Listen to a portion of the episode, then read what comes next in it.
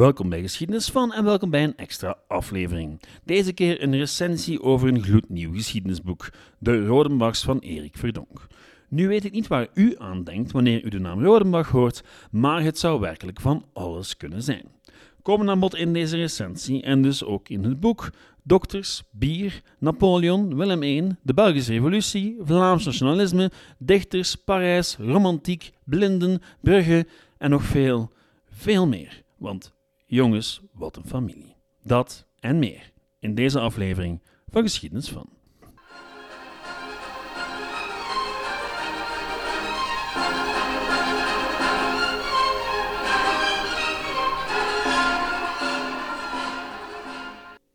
Vooraleer we in de inhoud duiken, eerst even dit. Dit had een interview moeten zijn. Dat interview heeft ook plaatsgevonden, maar gezien ik mij op een eiland bevind net ten noorden van Australië, waar het momenteel hele dagen stormt, en het internet en de elektriciteit om de haverklap uitvallen, was de resulterende audio niet van voldoende kwaliteit. Maar omdat ik het boek wel gelezen heb en genoten heb van het gesprek met Verdonk, krijgt u in de plaats deze samenvatting van mijn gedachten omtrent het boek, de Rodenbachs en nog een heleboel andere zaken.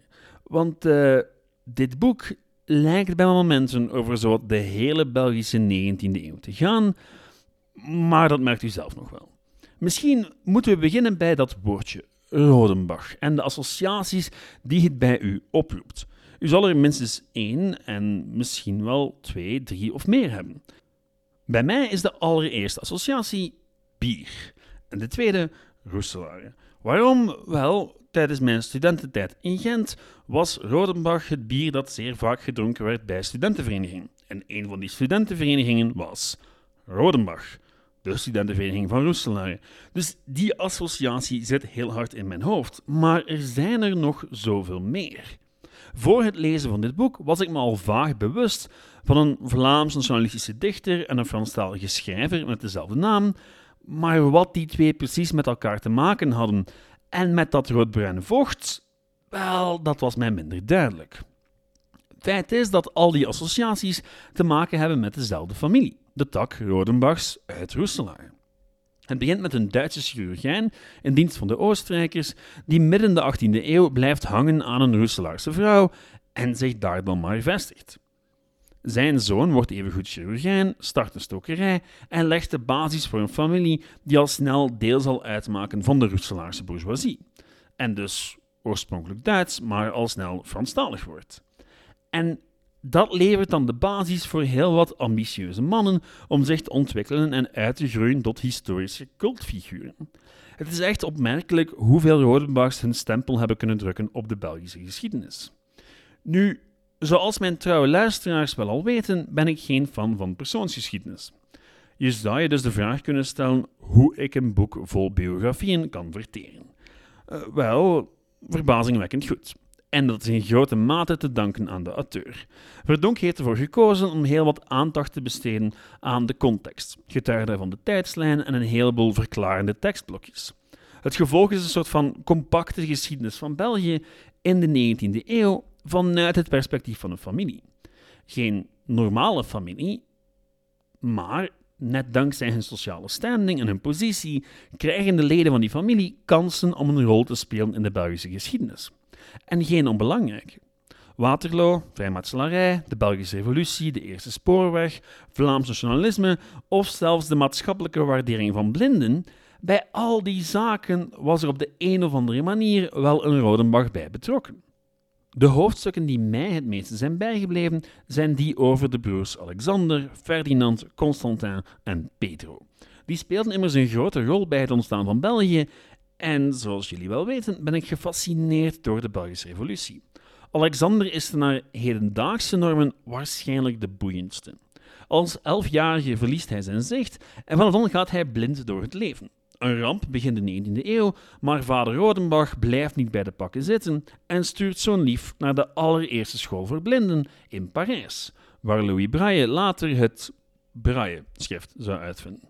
En vervolgens heeft Alexander het soort leven dat je van iemand van zijn stand en familie zou verwachten. Blind of niet blind. Hij stampt een brouwerij uit de grond, ja, die brouwerij, de brouwerij Rodenbach, wordt burgemeester van Rumbeke bij Roeselare en ligt mee aan de basis van de Belgische revolutie. En het boeiende is dat je in zijn figuur zeer goed kan zien waarom de liberaal-katholieke elite van België die revolutie wou. De beweegreden lijken enerzijds ideologisch te zijn en anderzijds zeer pragmatisch. Alexander lijkt wel de vleesgeworden West-Vlaamse ondernemer te zijn, want wat blijkt, een van zijn belangrijkste drijfveren voor het verzet tegen Willem I, belastingen. Alexander en broer Constantin organiseren petities en zijn drijvende krachten achter het monsterverbod tussen liberalen en katholieken. Oh, en beide zullen trouwens in het parlement zitten. Alexander van 1831 tot 1868, wat echt indrukwekkend is. Broer Constantin was ook nog eens een diplomaat en broer Pedro een houdegen die Napoleons campagne in Rusland had meegemaakt, maar in Waterloo aan de andere kant meevocht. Oh, en tijdens de Belgische Revolutie was hij het die Louis de Potter is gaan halen en heeft binnengebracht in Brussel. Over historische impact gesproken. Die drie broers duiken tijdens de eerste dertig jaar van de Belgische geschiedenis zowat overal op. Bij de kroning van Leopold I, de eerste treinrit tussen Brussel en Mechelen, overal is er wel één van de drie broers bij betrokken. Het boek geeft ze een plekje in de zon, maar gaat nadien dieper in op de twee meest prominente telgen van het geslacht Rodenbach, Albrecht en George. Alexander en zijn broers zijn er wel zeer belangrijk geweest, maar iets wat vergeten door de geschiedenis en daarom is dit boek zo een welkome opfrisser. Toch zeker voor mij. Nu, Albrecht en George, ja, die zijn een pak bekender. Die achterneven zijn het nageslacht van twee van de vermelde broeders, maar verdienen hun glorie op heel eigen wijze en beide zijn absoluut fascinerende figuren.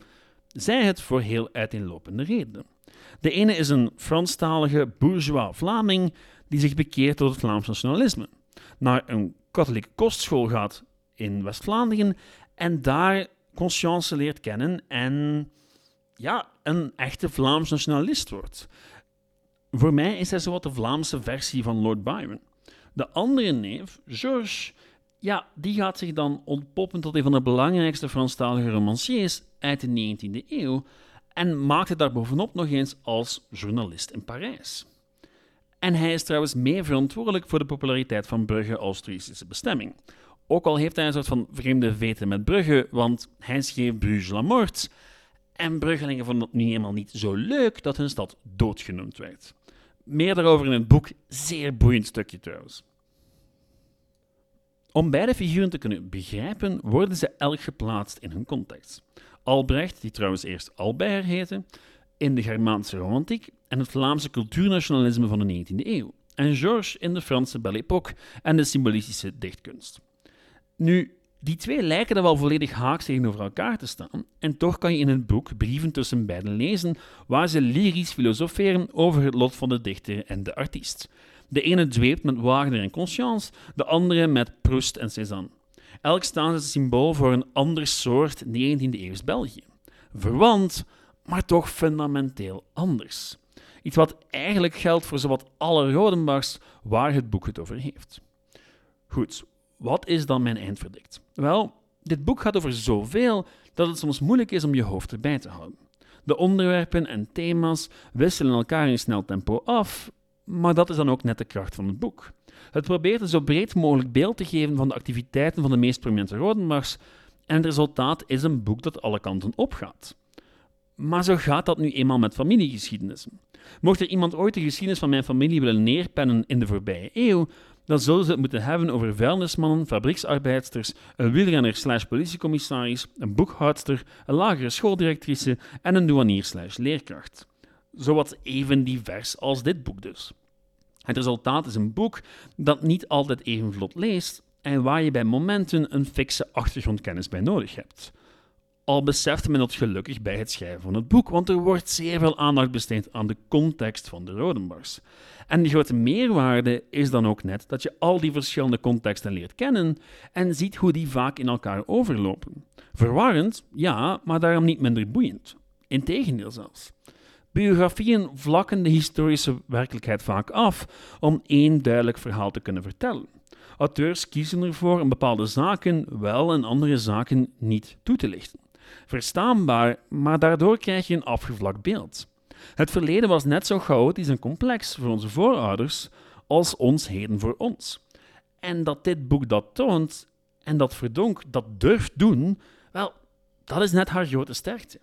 Maar goed, moet u dit boek nu lezen? Wel, niet per se. Als u enkel geïnteresseerd bent in Albrecht of George Rodenbach, dan zijn er wel al enkele individuele biografieën of overzichtswerken waar u terecht kan. En hetzelfde geldt voor het Napoleonistisch tijdperk, de Belgische Revolutie of de geschiedenis van Brouwerij Rodenbach.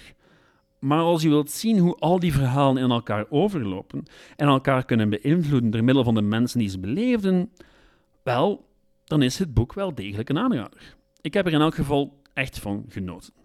U kan het vinden in zowat elke boekhandel, normaal gezien. En heel, erg dank, heel veel dank aan Erik Verdonk voor het interview. En ja, dat was het. Bedankt voor het luisteren. Tot de volgende. Als er een ander boek is waarvan u graag een recensie zou horen, laat het vooral weten. Geschiedenis van Outlook.be is het e-mailadres. Facebook bent u altijd welkom, geschiedenis van. En er is de website geschiedenisvan.be. Bedankt voor het luisteren en tot de volgende keer. Ciao!